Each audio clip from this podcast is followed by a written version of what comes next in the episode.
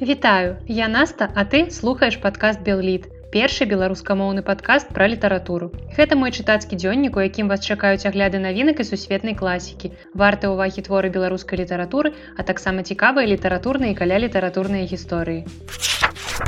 Героі сённяшняга выпуску гэта нататкі янкі брыля, цікавы нонфікшн пра жыццё ў паўночнай карэі, а таксама думкі пра дзіцячую літаратуру. Мне здаецца, што ў кожнага з вас ёсць нейкі пэўны любімы аўтар, чытаць якога вы можете практычна ў любой сітуацыі. Вы ніколі ад яго не стамляецеся і можете ў любую хвіліну ўзяць яго кнігу і атрымаць ад яе задавальненне. Для мяне адзін з такіх аўтараў ёсць у беларускай літаратуры і гэта Янка брыль, а канкрэтна гэта яго лірычныя мініяцюры. За ўсё жыццё яго выйшла сапраўды мноства кніг з гэтымі лірычнымі мініяцюрамі або проста нейкімі дзённікавымі замалёўкамі і поўны спіс гэтых кніг будзе ў апісанні гэтага выпуску. Кніга з людзьмі і сам насам выйшла ў выдавецтве мастацкая літаратура ў 2003 годзе. У ёй сабраныя запісы з 1996 па 2002 год. І кожны раздзел названы ў адпаведнасці з гэтым годам і гэта мне здаецца набліжае кнігу да нейкай своеасаблівай пісьменніцкай хронікі. Хаця падзеі ў кнізе не заўжды падаюцца ў храналагічнай паслядоўнасці, таму што часам брыль зазірае ў мінулае, успамінае нейкія эпізоды адтуль. Кніга напісаная ў даволі блізкі да нас час, таму ў запісах пісьменніка праглядаюцца надзённыя грамадска-палітычныя палітычныя праблемы. Ён выказвае сваю грамадзянскую пазіцыю і робіць гэта даволі дакладна. Напрыклад, не раз брылю здымае пытанне інтэграцыі з рассеяй і ў сувязі з апошнімі падзеямі чытаць гэта сапраўды даволі трывожна. Асабліва калі ты разумееш, што за столькі гадоў у гэтым мала што змянілася. Вось, напрыклад, цытата з гэтай кнігі. Колькі нагаворана з іхняга і з нашага боку пра неабходнасць аб'яднання, але ж ні слова, ні ў друку, ні па тэлевізары ці па радыё, пра тое, што апаганьваецца і ліквідуецца мова нашага народа. Найгоршым, найзла злачыннейшым як дагэтуль чынам. Далей таксама можна сустрэць вось такую цытату. Галоўны расійскі камуніст з крывой смешкай радасці гаварыў днямі на каляровым экране. Як гэта будзе добра, калі аб'яднаюцца Расія, незавісімая Украіна і самабытная Беларусія. Яшчэ не аб'ядналіся, а ўжо толькі самабытная у складзе рассіі. Акрамя гэтага ў кнізе мноства цікавых лінгвістычных разважанняў, бо брыль быў вельмі чуйным да слова і сапраўды даволі хваравіта ўспрымаў недасканалае валоданне мовай і моўную глухату. Прычым брыль сапраўды раздзяляе, калі мова ў чалавека ідзе ад сэрца або калі гэта проста паказуха, як напрыклад чыноўнікі, якія свае даклады па-беларуску чытаюць паперкі. І таксама можна ўспомніць якую-небудзь бабульку з далёкай вёскі, якая гаворыць так, як умее, Магчыма, гэта не беларуская літаратурная мова, але ў яе гэта атрымліваецца вельмі цакавіта, вельмі натуральна. І таму брыль таксама часта вельмі занатоўвае ў гэтым сваім творы нейкія моўныя знаходкі, словы, якія ён ад кагосьці пачуў вельмі цікавыя. І гэта таксама вельмі цікавая частка кнігі. Таксама ў параўнанні з папярэднімі падобнымі кнігамі ўсё больш у гэтым творы развагаў пра смерці пра старасць, бо гэта такі ўзрост што адзін за адным твае сябры сыходзяць твае равеснікі і надыходзіць час калі ты сам пачынаеш задумвацца пра смерць пра старасць пра ўсё гэта. Напрыклад все часцей з'яўляюцца цытаты накшталт гэтай чалавек жыве жыве а потым памірае як быццам і не падумаўшы што гэта ж назаўсёды або таксама вось такая цытата Старому трэба не швэнтацца па свеце, атрымацца роднага кута. І не таму толькі, што там і сцены дапамагаюць, але ж дзеля годнага заканчэння свайго жыццёвага шляху за сваім месцам у зямлі. У кнізе зноў шмат нататак у выглядзе літаратурнага дзённіка, дзе брыль дзеліцца тым, што прачытаў ці чытае цяпер. І я ўжо калісьці пісала, што брыль таксама своеасаблівы кніжны блогер. Вось, напрыклад, такая цытата. Адрываючыся ад старонак серба міларада павіча, яго пейзажа нарисованого чаем, думалася, што чытаючы добрую кнігу і сам здаецца робіся разумнейшым, таленавіцейшым. Брыльня быў бы брылём, калі б не занатоваў стан навакольнай прыроды. Кніга поўніцца сакавітымі апісаннямі, напрыклад, духмяныя хронкі бэзу ці палёт жораваў. Хапаю ў кнізе вясёлых і амаль анекдатычных сітуацый з жыцця. Напрыклад, пісьменнік расказвае, як аднойчы ў браціславе яго пазнаёмілі з мясцовым карэспандэнтам газеты. То аказаўся беларусам паводле паходжання. І прызнаўся, што зачытваўся ў школе палескімі рабінзонамі, а таксама іншымі творамі брыля. Брыль на гэта з усмешкай падзякаваў, бо не захацеў псаваць чалавеку ўражанне ад сустрэчы з любімым пісьменнікам дзяцінства, хоць гэта быў і не ён. І тут жа брыль успамінае падобную гісторыю, як ён выступаў у 95 годзе на адкрыцці помніка алесю адамовичу, а ўвечары баталіба тэлебачанні перадалі сюжэт пра гэта і сказалі, што там былі Васіль быкаў, рыгор барадулін і Янка Маур. І далей апісвае яшчэ некалькі падобных гісторый, калі яго блыталі з Янка Маурам, таму што проста яны абодва янкі. Таму калі вы шукаеце добрую кнігу, якую можна чытаць невялікімі ўрыўкамі, нібыта гэта нейкі старэйшы, больш вопытны і больш мудры сябра вам нешта расказвае, то вельмі раю вам звярнуць увагу на зборнікі лірычных мініяцюр брыля. У гэтым жанры ў нашай літаратуры ён проста недасяжны майстар. А зараз мы пагаворым пра адну з самых актуальных тэм апошняга часу, куды падзеўся кімчанын. Бо паўночна-карэйскі лідар вельмі даўно не з'яўляўся на публіцы, таму ўвесь інтэрнэт запоўнены тэорыямі, што магло з ім здарыцца. Напрыклад, яго знікненне ў першую чаргу звязваюць з каранавірусам. Таму многія ўпэўненыя, што на гэтым свеце кіма ўжо няма. Але вы ж не думалі, што я зараз вам буду расказваць пра знікненне кімчанына. Насамрэч не мы пагаворым пра трошкі пра кімчанына, трошкі пра яго сваяко, але насамрэч я раскажу вам пра кнігу амерыканскай журналісткі Барбары Дэмік, якая называется павседневная жизнь северной Кореі. Рускі пераклад гэтай кнігі выйшаў у выдавецтве Альпіна ў 2013 годзе. Я купил журнал Корея, там тоже хорошо. Мне ўвогуле здаецца, што паўночная карея гэта такі нстаграм, дзе людзі з усёй моцы спрабуюць паказаць прыгожую карцінку, хаця ў рэальнасці ў іх адбываецца сапраўдны трэш. І да гэтага часу я думаю, што КНДР гэта нейкі вялікі эксперымент, нібыта нехта загуляўся ў гульню цывілізацыі. Прыкладна ў сярэдзіне гэтай кнігі я проста стамілася здзіўляцца або заміраць ад страху, таму што ўсё, што там адбываецца, гэта сапраўдны тэатр абсурду. Тут мне ўспомнілася падлеткавая кніга тода штрасера, якая называется хваля.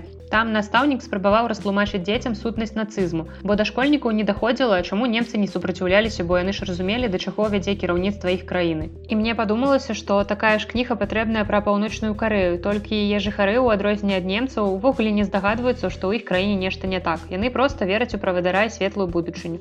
Вось толькі некалькі прыкладаў абсурднасці паўночна-карейскага жыцця, якія прыводзяцца ў кнізе. Напрыклад, гісторыя спадарні сон, якая працавала на фабрыцы і на гэтай фабрыцы кожную пятніцу пасля працы праводзіліся сходы па самакрытыцы. Усе супрацоўнікі па чарзе ўставалі і дакладвалі калектыву пра свае памылкі. Сапраўды заўсёды карысна прызнаваць свае памылкі, абмяркоўваць іх з калегамі, але калі гэта робіцца ў прыемнай сяброўскай абстаноўцы, а не там, дзе кожны калега можа на цябе данесці дзеля ўласнай выгады. Або вось напрыклад, кампанія па зборы начных адходаў з туалетаў. Бо ў КНДР была праблема з пастаянным недахопам хімічных угнаенняў, таму ў якасці гною вырашылі выкарыстоўваць чалавечыя экскременты. Штотыдзень кожная сям'я павінна была напоўніць вядро і некалькі кіламетраў несці яго да склада. І звычайна гэта рабілі дзеці. За гэтае вядро давалі картку, якую можна было абмяняць на ежу. І ў прынцыпе тут все лагічна, все што з'еў і яно перапрацоўвалася табой і давала магчымасць атрымаць новае паліва для арганізма. Таксама думаю, што многія з вас бачылі фатаграфіі жыхароў КНДР і звычайна гэта людзі апранутыя ў аднолькавую уніформу. І сапраўды ў гэтай уніформе карэйцы праводзяць большую частку жыцця. І шылася яна з віналону, гэта жорсткі сінтэтычны матэрыял, які вырабляўся толькі ў паўночнай карэі. Для жыхароў КНДР гэты матэрыял быў сапраўдным гонарам і яго нават называлі матэрыяй чучхе. Таксама ў паўночных карэйцаў ёсць мноства слоў для абазначэння турмы. І тут можна адразу ўспомніць эскімосаў з іх абазначэннямі снегу. Бо, напрыклад, калі вы здзейснілі дробнае правапарушэнне, дапусцім, вы прапусцілі працоўны дзень, просто не прыйшлі на працу, то вы адправіцеся ў чыпкі ўлсо. А вось калі вас прызнаюць палітычным злачынцам, напрыклад, вы чыталі нейкую замежную газету і вас паймалі за гэтым, то тады вас чакае зняволенне ў лагеры кван лісо. І мне здаецца, што вось гэтых некалькіх фактаў дастаткова для таго, каб падзякаваць вашим бацькам за тое, што нарадзілі вас не ў КНДР. Вось толькі ўдумайцеся, што да 1998 году ад голаду і хвароб, якія ён выклікаў, у паўночнай карэі памерла ад 600 тысяч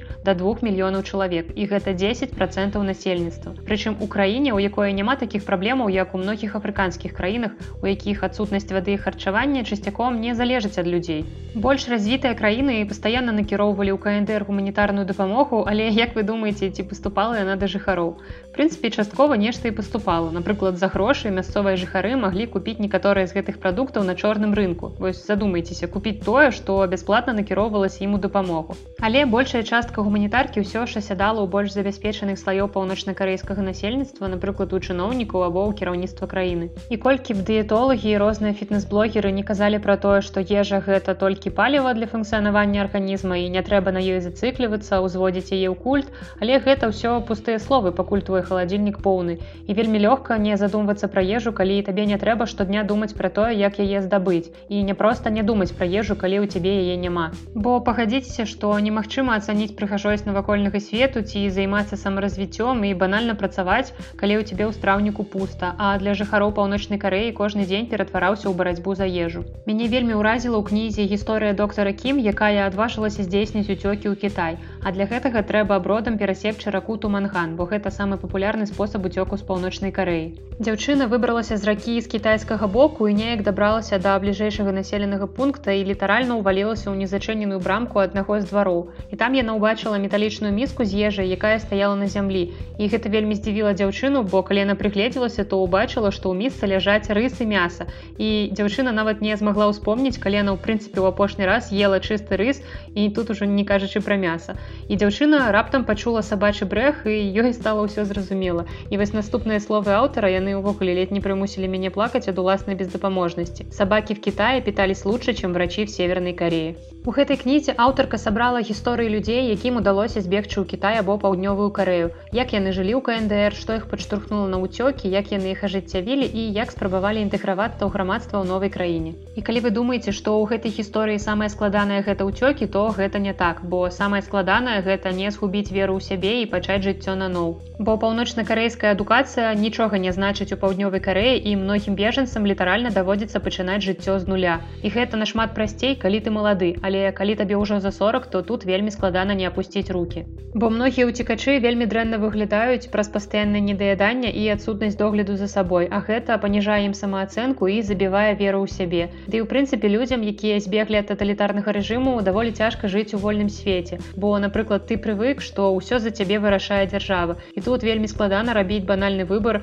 напрыклад якую гарбату піць сёння бо раней у цябе ўвогуле не было ніякай гарбаты і апошняя цытата з кнігі на завяршэнне размовы про яе. Когда в Северной Корее не хватает продовольствия, власть начинает усиленно кормить народ пропагандой. У апошняй частцы сённяшняга выпуску я б хацела пагаварыць пра дзіцячую літаратуру, бо многія з нас у сталым узросце любяць перачытваць творы, якія прыносілі вялікае задавальненне ў дзяцінстве. Але на жаль, многімі дарослымі дзіцячая літаратура не ўспрымаецца ў сур'ёз і сур'ёзныя літаратурныя прэміі чамусьці адмінаюць дзіцячых аўтараў. Напрыклад, ці можаце вы ўявіць, каб Джан Роулінг атрымала нобелеўскую прэмію. Але гэта было б нядрэнна улічваючы, які ўнёсак у сусветную літаратуру і культуру яна зрабіла. Прыклад Гары Потара паказвае, што калі дзіцячая кніга напісаная цудоўна то ад яе будуць захапленні людзі любога ўзросту. І дарэчы калі вы плануеце перачытваць гары потара я напрыклад раблю гэта раз на некалькі гадоў то майце на ўвазе што летась у выдавестве янушкевич выйшаў беларускі пераклад першай часткі гэтай кнігі. Спасылка будзе ў апісанні. Увогуле дзіцячыя кнігі могуць вельмі моцна ўплываць на чытачоў бо яны дапамагаюць ім развівацца і фарміраваць светапогляд. І гэта ж першая літаратура да якой мы звяртаемся яна сапраўды робіць для нас вельмі шмат. Веліч многіх дзіцячых кніг заключаецца ў тым тым, што нават з цягам часу яны ўсё яшчэ размаўляюць з намі. Мы вырастаем, але перачытваем іх і бачым па-новаму і кожны раз як першы, але кожны раз з новымі эмоцыямі і думкамі. Дзеці не дурнейшыя за нас, таму кнігі для іх павінны быць напісаныя якасна. І зразумела, што мы адразу бачым, якая кніга дзіцячая, якая дарослая. Але гэта не значыць, што дзіцячая больш прымітыўная, бо дзіцячыя кнігі гэта больш, чым проста яркія карцінкі і вясёлыя гісторыі пра дзяцей. Дзіцячую літаратуру адрознівае ад дарослай тое, што яна павінна быць дастаткова складанай, каб быць цікавай пэўнай мэтавай аўдыторыі, але пры гэтым не быць банальнай. І ў дзіцячай кнізе не варта звяртацца да пытанняў, якія дзецям проста не падыходзяць. І таксама трэба звяртаць увагу на лексіку. Бо мне ўспамінаецца гісторыя, як гадоў сем таму я пачынала вучыць польскую мову і шукала дзіцячыя кнігі, каб менавіта з іх пачаць чытанне. Бо мне здавалася, што там будзе больш простая лексіка і для пачатку чытання ў арыгінале гэта будзе добра. І вось я знайшла ў кніга кнігарні одну гісторыю там рассказывалася пра дзяўчынку якая разам з маці пераехала ў варшаву і там пайшла ў новую школу. І вось адзін з эпізодаў самым пачатку кнігі калі яна падыходзіць да уваходных дзвярэй у школу і далей апісанне як яна адчыняе цяжкія ўваходныя дзверы якія зробленыя з плексігласу. І тут я засмяялася бо як бы вельмі дарэчнае слова плексіглас для дзіцячай кніжкі. Бо я не ведаю які адсотак дзяцей ведаю увогуле што такое плексіглас і магчыма гэта польскія дзеці яны крыху больш адукаваныя І многія з вас могуць падумаць, што я тут зараз расказваю такія банальныя рэчы, але паверце, я працую ў кнігарні амаль чатыры гады і бачыла многіх чытачоў. І вы будетеце здзіўленыя, якая колькасць дарослых. І мне здаецца, што вось сярод тых, хто зараз мяне слухае, таксама ёсць такія людзі, якія лічаць дзіцячыя кнігі не вартым увагі прымітывам. І для сваіх дзяцей як бы яны купяць гэтыя кнігі, але каб самастойна такое чытаць і яшчэ і задавальненне атрымліваць, то не такое ні за што. Напрыклад, пісьменніца Джанет Уінтерсон добра заўважае, што ўяўленне не мае ўзросту. І я таксама дадам, што ніхто з нас не занадта дарослы для дзіцячых кніг. Проста даволі часта я чую такія пагарлівыя выразы кшталту Фу, гэта ж дзіцячая кніга, навошта ты яе чытаеш. Я такі снабізм зразумець не магу, таму лепш пайду перачытаю Астрид Лінкрын. А сапраўды значныя кнігі ніколі не старэюць і атрымліваць асалоду ад іх могуць нават дарослыя. А зараз я папрашу вас трошачки паактыўнічаць у каментарыях і расказаць мне ці чытаеце вы дзіцячыя кнігі для сябе, а не для дзяцей. І таксама калі можаце, то падзяліцеся любімымі творамі. А ў наступным выпуску я падрыхтую невялікую падборку дзіцячых кніг, якія я прачытала яшчэ ў дзяцінстве, але і цяпер задавальненне магу перачытваць зноў і зноў.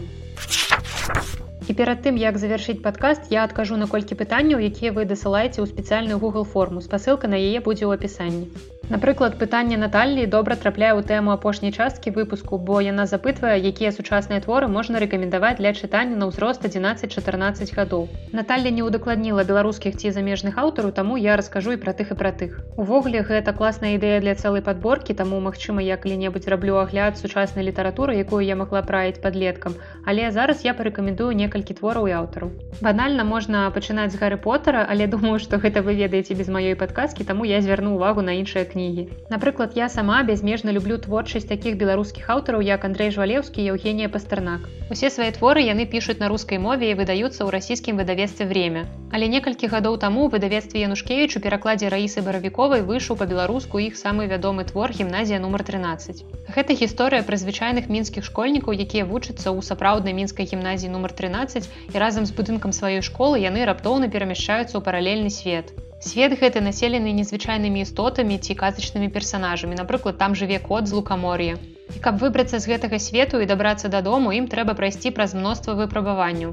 Аўтары размаўляюць з дзецьмі на іх мове і творы свае пішуць без нейкага павучання ці маралізатарства, таму дзецям заўжды цікава іх чытаць. Таму, калі вы яшчэ не знаёмыя з творчасцю гэтых аўтараў, то вельмі раю вам іх пачытаць. Наступны аўтар піша цудоўныя творы як для дзяцей, так і для дарослых. Гэта Валерый Гапею. Прычым у яго ёсць творы як для малодшых школьнікаў, так і для падлеткаў. Напрыклад, ва ўзросце ад 5 гадоў можна пачытаць яго мілую светлую гісторыю сонечная паляна. А падлеткам прыйдуцца даспадобы такія яго кнігі, як ведзьміна Тоня, урокі першага кахання, я размалюю для цябе неба, а таксама моя мілая ведьзьма. Якраз апошняя кніга мне ў яго падаецца найбольш цікавай. Калі звярнуцца да замежных аўтараў, то з сучасных раю, напрыклад, амерыканскую пісьменніцу Кейт Дзікаміла, якая піша цудоўныя творы пра дзяцей і жывёлу. Мае любімыя кнігі ў яе гэта флора і адзісей і спасіба ў індіксі. Яны абедзве расказваюць пра тое, як пры дапамозе жывёлу не вельмі актыўныя дзеці яны сацыялізуюцца і становяцца больш камунікабельнымі. Яшчэ адна пісьменніца без твораў, якой вельмі складана ўявіць бібліятэку сучаснага падлетка гэта нарвежка Марыя пар. Яе творы актыўна перакладаюцца на рускую мову і выходзіць у выдавестве самакат. Напрыклад, кнігі вафельнае сердце, яе працяг варатарі моря і таксама кніга Тоня Глімердал. Менавіта з кнігі вафельнае сердце я і раю вам пачаць знаёмства з творчасцю гэтай пісьменніцы. Кніга расказвае пра сяброўства двух звычайных дзяцей, дзяўчынкі Лена і хлопчыка трыля. Лена вельмі актыўная дзяўчынка, яна вельмі любіць увязвацца ў розныя прыгоды, а трыля наадварот, ён больш спакойны хлопчык трошкі меланхалічны. Я Марыя расказвала, як аднойчы на адной сустрэчу яе спыталі, чаму Лена паводзіць цябе як хлопчык, а трыля наадварот паводзіць цябе як дзяўчынка. І на гэтае пытанне Марыя адказала проста бліскуча. Яна сказала, што Лена паводзіць цябе як Лена, а тры трылі паводзіць сябе як трылі. І мне здаецца, што гэтыя словы Марыі гэта проста адказ на ўсе гендерныя спрэчкі ў дзіцячай літаратуры. Думаю, для пачатку гэтых імёнаў сучаснай літаратуры вам хопіць і абяцаю, што ў адным з наступных выпускаў будзе больш грунтоўная падборка сучасных кніг для падлетку. Толькі падкрэслю, што сама я гэтыя творы чытала далёка не ў падлеткавым узросце, але ўсё роўна атрымала ад іх задавальненне. У завяршэнні сённяшняга выпуску я нагадаю, што спасылкі на ўсе кнігі, пра якія я рассказывала, вы можете знайсці ў апісанні. А таксама ў апісанні спасылка на Google форму, у якую вы можете дасылаць свае пытанні, прапановы і заўвагі. А на гэтым я развітваюся. З вами была Наста і падкаст Белліт. Да сустрэчы.